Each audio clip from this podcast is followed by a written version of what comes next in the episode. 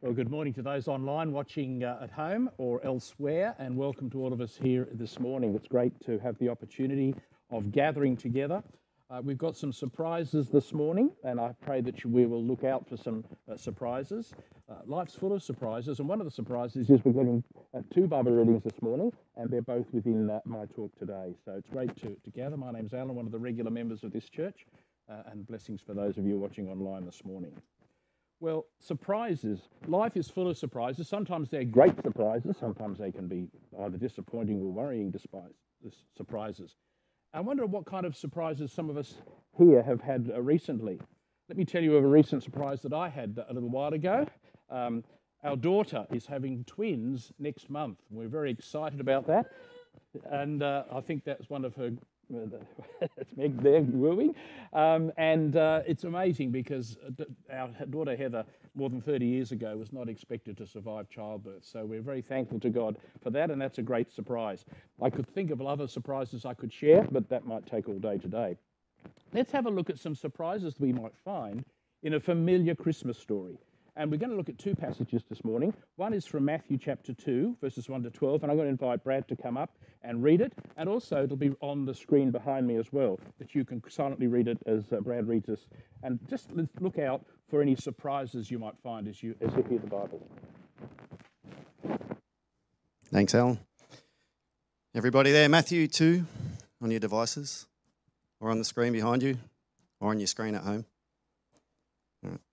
After Jesus was born in Bethlehem in Judea, during the time of King Herod, Magi from the east came to Jerusalem and asked, Where is the one who has been born King of the Jews?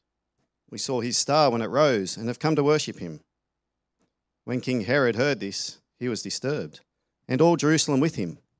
When he had called together all the people's chiefs, priests, and teachers of the law, he asked them where the Messiah was to be born. In Bethlehem, in Judah, they replied. For this is what the prophet has written. But you, Bethlehem, in the land of Judah, are by no means least amongst the rulers of Judah. For out of you will come a ruler who will shepherd my people Israel. Then Herod called the Magi secretly and found out from them the exact time the star had appeared. He sent them to Bethlehem and said, Go and search carefully for the child. As soon as you find him, report to me, so that I too may go and worship him.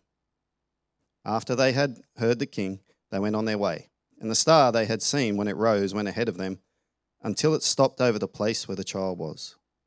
When they saw the star, they were overjoyed. On coming into the house, they saw the child with his mother Mary, and they bowed down and worshipped him. Then they opened their treasures and presented him with gifts of gold, frankincense, and myrrh. And having been warned in a dream not to go back to Herod, they returned to their country by another route. Well, I wonder what the first surprise is we see there is the very first word in chapter 2 after. After Jesus was born in Bethlehem in Judea during the time of Herod, Magi from the east came to Jerusalem. These visitors from the east did not arrive when Jesus was born, they arrived after Jesus was born. What does Matthew say about the birth of Jesus? Well, there's nothing. There's no stable, there's no shepherds. There's just Bethlehem in Herod's day after Jesus was born in Bethlehem. We need to go to the Gospel of St. Luke to read in detail the birth of Jesus. But here in Matthew chapter 1, it talks about preparing Joseph for becoming, uh, for, for Mary uh, becoming pregnant and going to give birth to a child. Well, I wonder who in this room might remember a Christmas carol. We three kings of Orient are, bearing gifts we traverse afar. Well, there's a couple more surprises here because these magi were not kings, and there's no mention of how many there were. These men were highly educated, probably astrologers, and there were no mention of how many there were. And with the value of the gifts they brought, the gold, the frankincense, and the myrrh, one would have to think that you'd be an idiot if you only three of you travelled a huge distance from another country all the way across. I would imagine there would have been possibly a dozen or more of them that gathered. But Matthew doesn't say how many, he just simply says uh, there, were, there, were, there were plural, there, were, there was several of them. Well, they arrived in Jerusalem, and then here comes this extraordinary question they ask when they get there. Where is the one who has been born king of the Jews? This foreign caravan of uh, highly educated and wealthy persons seeks someone who has been born to be king of the Jewish people. And we don't hear again about the title king of the Jews until when? Does anyone know when the next time the name of king of the Jews comes up? Matthew tells us in chapter 27, verse 37, it was the sign that was put on the top of the cross Jesus, King of the Jews.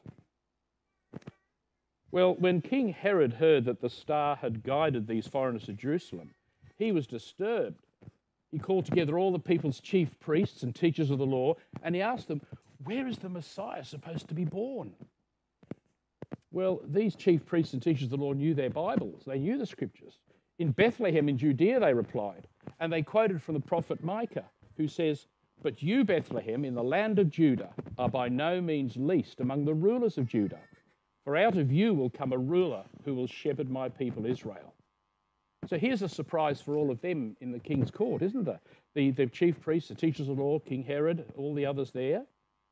But there's no joy, there's no excitement. In fact, this is probably a very unpleasant surprise for Herod, who was very nervous about his kingship. Well, the Magi head for, Jeru- for, for Bethlehem, and when they saw the star, it could well have been, uh, so researchers think, is possibly Saturn and, and uh, one of the other uh, planets kind of, kind of together. And they were certainly brighter, and it just stopped over Bethlehem. And when they saw the star, they were overjoyed. And then, of course, the surprise comes in Matthew 2, verse 11. Where did they arrive? On coming to the stable. No, when coming to the house. So there's no stable, no manger, show shepherds. On coming to the house, they saw not the baby or the infant, but the child with his mother Mary. No newborn baby here. And what did they do? Well, this is extraordinary. I mean, I just keep being blown away every time I read this passage, and it's been read a number of times. But these guys, these foreigners who had no particular knowledge of the Jewish tradition, the Jewish faith, they come from another country. They come with all this wealth, these, these gifts, and they bow down and they worship this child. Extraordinary.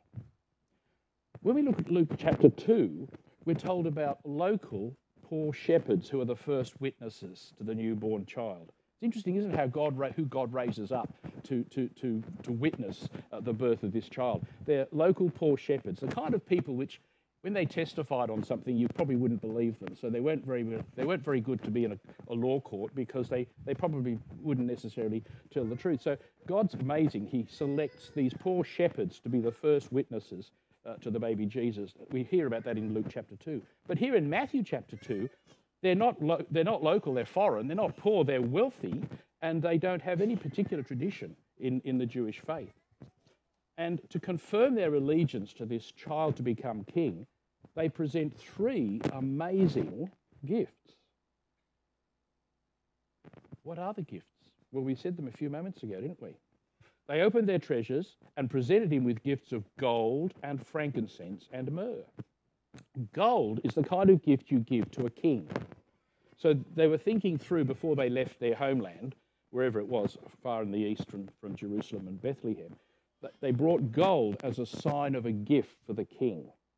They brought frankincense, which is an incense often used by priests in offering up sacrifices uh, and for people to have uh, their sins forgiven by the death of an animal. Uh, there's also incense being offered as well. So there's a symbol of a priest. And then there's myrrh. Well, myrrh can be used for all sorts of different purposes, but it is often in the, in the times of Jesus used to embalm a body of a deceased person before they're buried. So this is amazing. These, these foreigners come over, they worship this child, they present the child with gold to represent his kingship, frankincense to represent that he'll be a priest, and then myrrh to represent that he will die. Well, duh, everybody dies. But the significance here is that he has going to have a purposeful death. He will be born to die, which is a kind of the theme of our Advent series uh, at the moment. Well, it's amazing that these magi knew exactly what to give the, the child. I guess when, when they were moved by God to uh, to come over, uh, they, they, they would dreamt that these were the gifts they had to bring without necessarily knowing anything about the destiny of this child. Well, let's explore what the prophet Isaiah foretold about this in a few moments. But before we go there, let's just have a look at verse 12, at the end of the passage we heard. What happened after this troop of magi had given their gifts? Well, verse 12 says, Having been warned in a dream not to go back to Herod, they returned to their country by another route. You'll need to read the rest of chapter 2 and go on to see what else happens after that. But uh, the Magi were, were, warned that Herod actually planned to kill them, not worship him, uh, kill him, not worship him, so they went home by a different way. And Matthew tells us no more. So Herod doesn't find out where the child lives. You see, Herod didn't intend to worship him, he intended to kill him. Well, I'm wondering what may have surprised any of us in the room, any of us watching online today, any surprises about the visit of the Magi to the child in Bethlehem? Perhaps those three Magi out the front there on the welcome table ought not to be three. Maybe there should be 15 or 20 of them, but there's an illustration there. Somebody said, Well, where, where's, where's the shepherds and Jesus and Mary and Joseph? I said, Well, that came when they were in a house. Well, let's go back now 700 years before Jesus was born in Bethlehem. Let's go back 700 years to the time of the prophet Isaiah. About 300 years before God led Ezra and Nehemiah from captivity in Babylon back to Jerusalem to rebuild the temple with true worship, to rebuild the city and rebuild the Israelite community. We're familiar with, aren't we, of doing a series in Ezra and Nehemiah very recently. So here we go. There's, um, there's the, the, the birth of Jesus, then 400 years earlier, Ezra and Nehemiah, and then going back another 300 years back to Isaiah the prophet, who was prophesying the destruction and fall of, um, of Jerusalem, but also a servant coming from God, an anointed one who would come. Well, let's explore what the prophet Isaiah spoke. He spoke about the birth and ministry and death of Jesus and his resurrection. And let's be surprised at the amazing way that Isaiah foretold what would happen in the future. So, as we read and listen to the passage from Isaiah 53 in a few moments, uh, we're going to uh, uh, kind of have in our mind this seems to be describing Jesus, but how could that be 700 years before he was born? And as we hear the, the, the scriptures read, um, I'd like to uh, invite you to think about two questions as we go through it. Who is the person described in the prophecy? And of course, the hint already has been suggested it could be Jesus. And who is speaking? Who is the speaker in this prophecy? Well, let's. Uh, the first part of Isaiah 53 is on the screen behind me, and uh, what I'm going to invite us to do is something a bit different. I'm going to read the first verse, and I'm going to invite you, if you wish to, and uh, while you remain seated, to to read aloud, so uh, we can all hear uh, one another read aloud the verses two and three. Just a, a way of kind of listening to it. For some of us, it may be a fairly familiar passage. For others, it might be brand new. So uh, if you could join at verse 2 after I've done verse 1. Who has believed our message, and to whom has the arm of the Lord been revealed? He grew up before him like a tender shoot and a root out of dry ground. Please join me if you wish. He had no beauty or majesty to attract us to him, nothing in his appearance that we should desire him.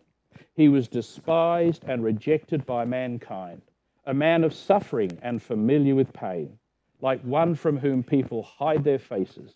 He was despised, and we held him in low esteem. Well, I wonder who the person is being described here. He had no beauty or majesty to attract us to him. He had nothing in his appearance that we should desire him. It sounds to me that this person may be just kind of some ordinary bloke. Now, here's a surprise this is the only description in the whole of Scripture of what Jesus appeared like. There's no description of Jesus in the New Testament of how he looked. And I guess if this is about Jesus, he was a very ordinary, a guy that you could pass in the street and you wouldn't have any clue uh, that he was anything more than an ordinary sort of bloke.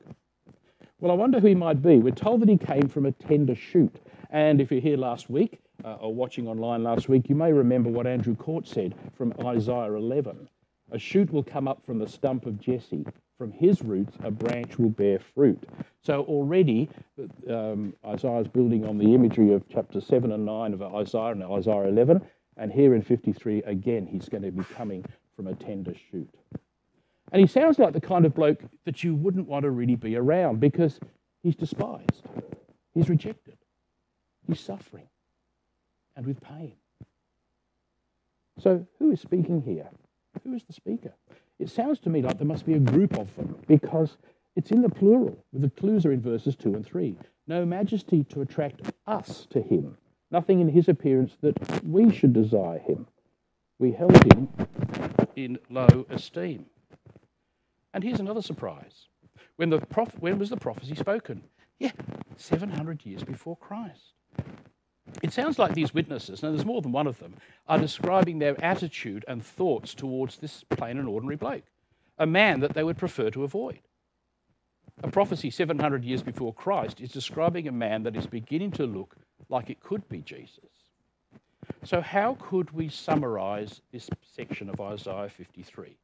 Perhaps we could say, despised and rejected by us.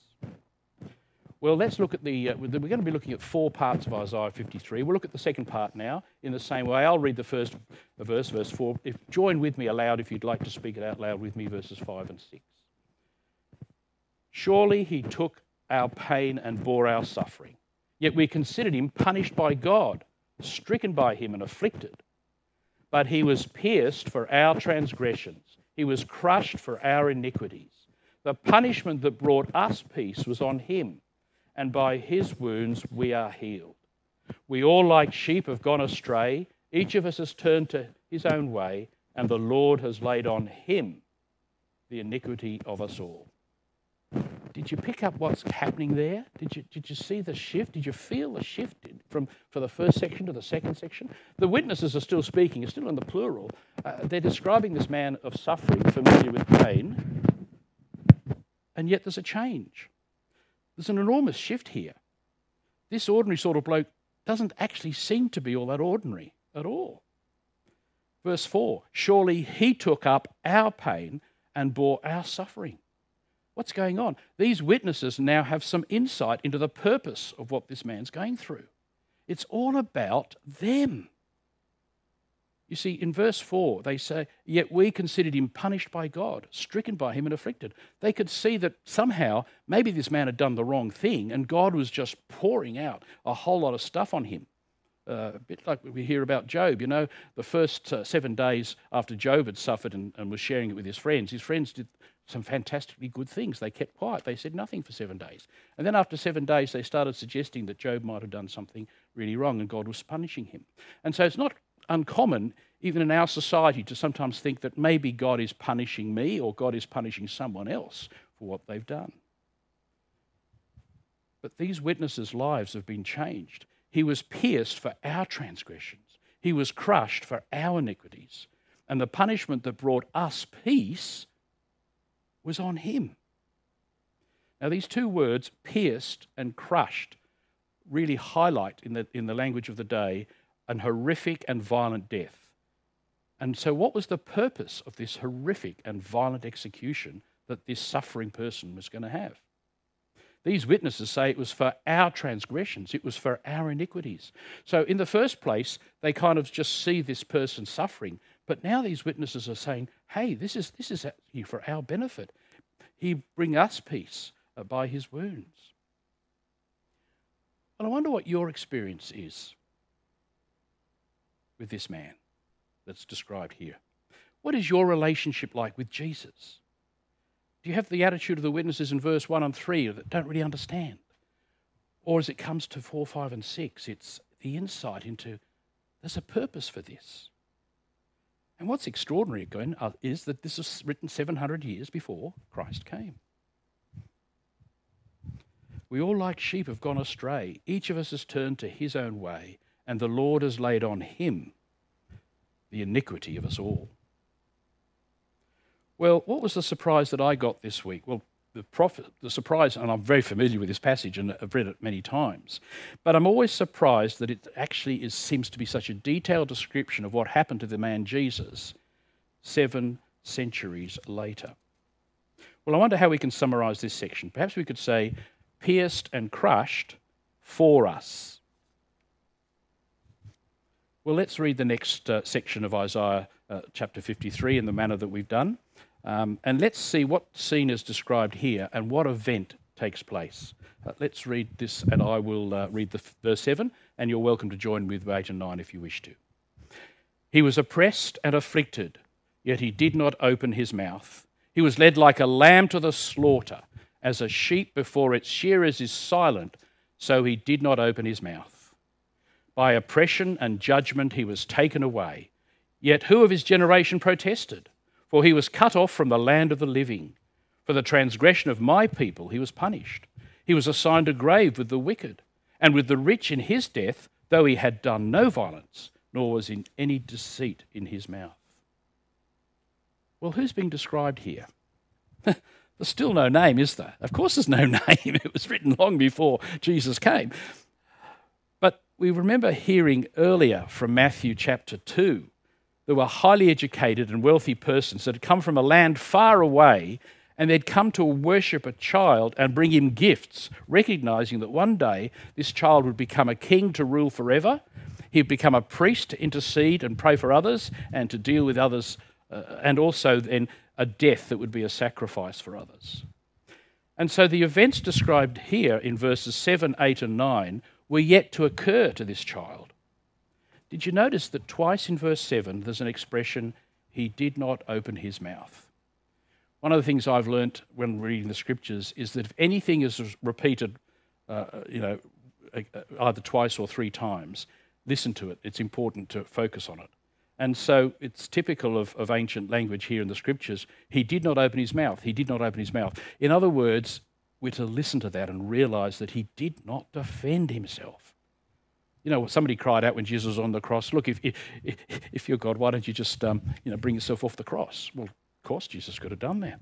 But his death was purposeful, and he did not bring himself off the cross.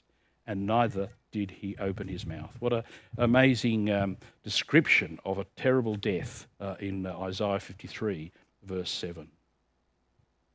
And then verse 9, it, it may seem a little puzzling. Uh, it seems like the words might be round back to front a little bit, uh, but it's describing an extraordinary, uh, I suppose you could say, death and burial.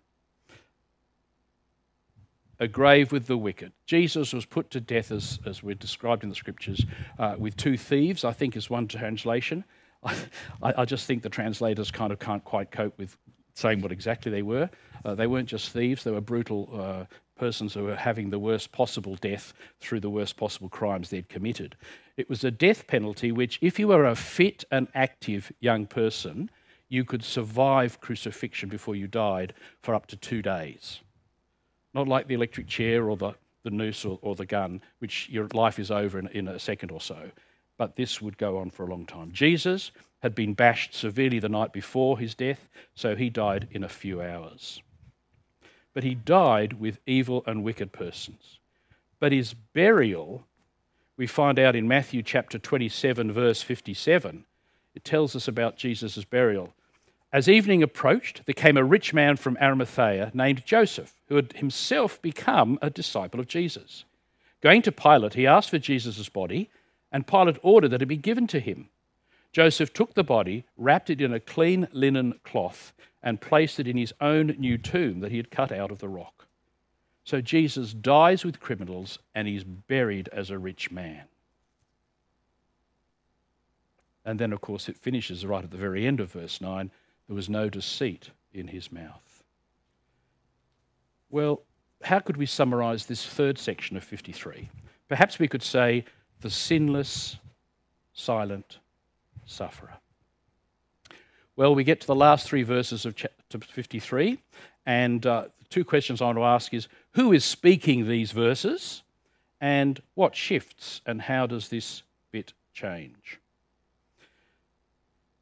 Yet it was the Lord's will to crush him and to cause him to suffer. And though the Lord makes his life an offering for sin, he will see his offspring and prolong his days. And the will of the Lord will prosper in his hand. After he has suffered, he will see the light of life and be satisfied. By his knowledge, my righteous servant will justify many, and he will bear their iniquities. Therefore, I will give him a portion among the great, and he will divide the spoils with the strong, because he poured out his life unto death, and was numbered with the transgressors. for he bore the sin of many and made intercession for the transgressors. Well, who's speaking in this section? It seems that in verse 10, the prophet Isaiah is speaking. It seems he may have been speaking verses 7, 8, and 9 as well. So Isaiah seems to be continuing to speak in verse 10. Yet it was the Lord's will to crush him and cause him to suffer. And though the Lord made his life an offering for sin, and you notice here where there's hope that comes. After all this wonderful hope, just here in, um, in verse half, second half of verse 10. He will see his offspring and prolong his days, and the will of the Lord will prosper in his hand. There's a glimpse here of hope that this death may not be final, that there could be something, that he could come back to life. I guess as Christians, we can, we can see that this is could be likely what it's saying, but there, it comes out of the passage, doesn't it? That, that, that there's some hope here. Uh, and then verse 11 after he had suffered, he will see the light of life and be satisfied. So he will see his offspring, he will prolong his days, he will prosper in his hand, he will see the light of life, he will be satisfied. Let's praise God that this horrific and violent death that described here in 53 has a purpose and it leads to life. Born to die, to live. Well, did you notice in middle of verse 11 the speaker seems to change? It doesn't look like Isaiah speaking. It looks like the Lord now speaks for the first time in this part. By his knowledge, my righteous servant will justify many. God is speaking about this person will do uh, what he's been selected to do. No more suffering servant at this point in verse 11. It's the righteous servant. And so in verse 12, um, he was numbered with the transgressors and he made intercession for the transgressors. So the once suffering servant, now made righteous, God took, took God's punishment for our sin so that we could be forgiven and made righteous. Well, how would we summarize this fourth section? We could say crowned with glory and honor. What a, what a shift. And it's just, the shift is right at the end there. Well, 700 years after this amazing prophecy, the baby was born in Bethlehem. And later, as a young child, he was visited by Magi from far away, and they were overjoyed to meet this child. However, King Herod was disturbed. He had planned to kill the child. This was for Herod a very unpleasant surprise. And it's the same today, isn't it? Not just in those times, but it's the same today all over the world, and it's the same around here in northwest Sydney many are overjoyed with Jesus, and many despise Jesus and hold him in low esteem. I'm wondering which camp that you're in. And I wonder how God may have surprised you today as we've heard his word. Let me pray. Lord God, we thank you for Jesus. We thank you that in this passage from Isaiah, Lord, that you gave Isaiah this amazing insight into the purpose and plans you had. And Lord, it happened seven centuries later, well after the time of Ezra and Nehemiah. And Father God, we thank you for opening up the minds and insight of those uh, wealthy academic guys from uh, far away that came to worship this child, uh, seeing that this child was going to be someone significant across the whole world. Lord, we pray that you'll open our eyes and ears to Jesus. Surprise us, Lord, and take us to that peace which passes all understanding. And we praise you in Jesus' name. Amen.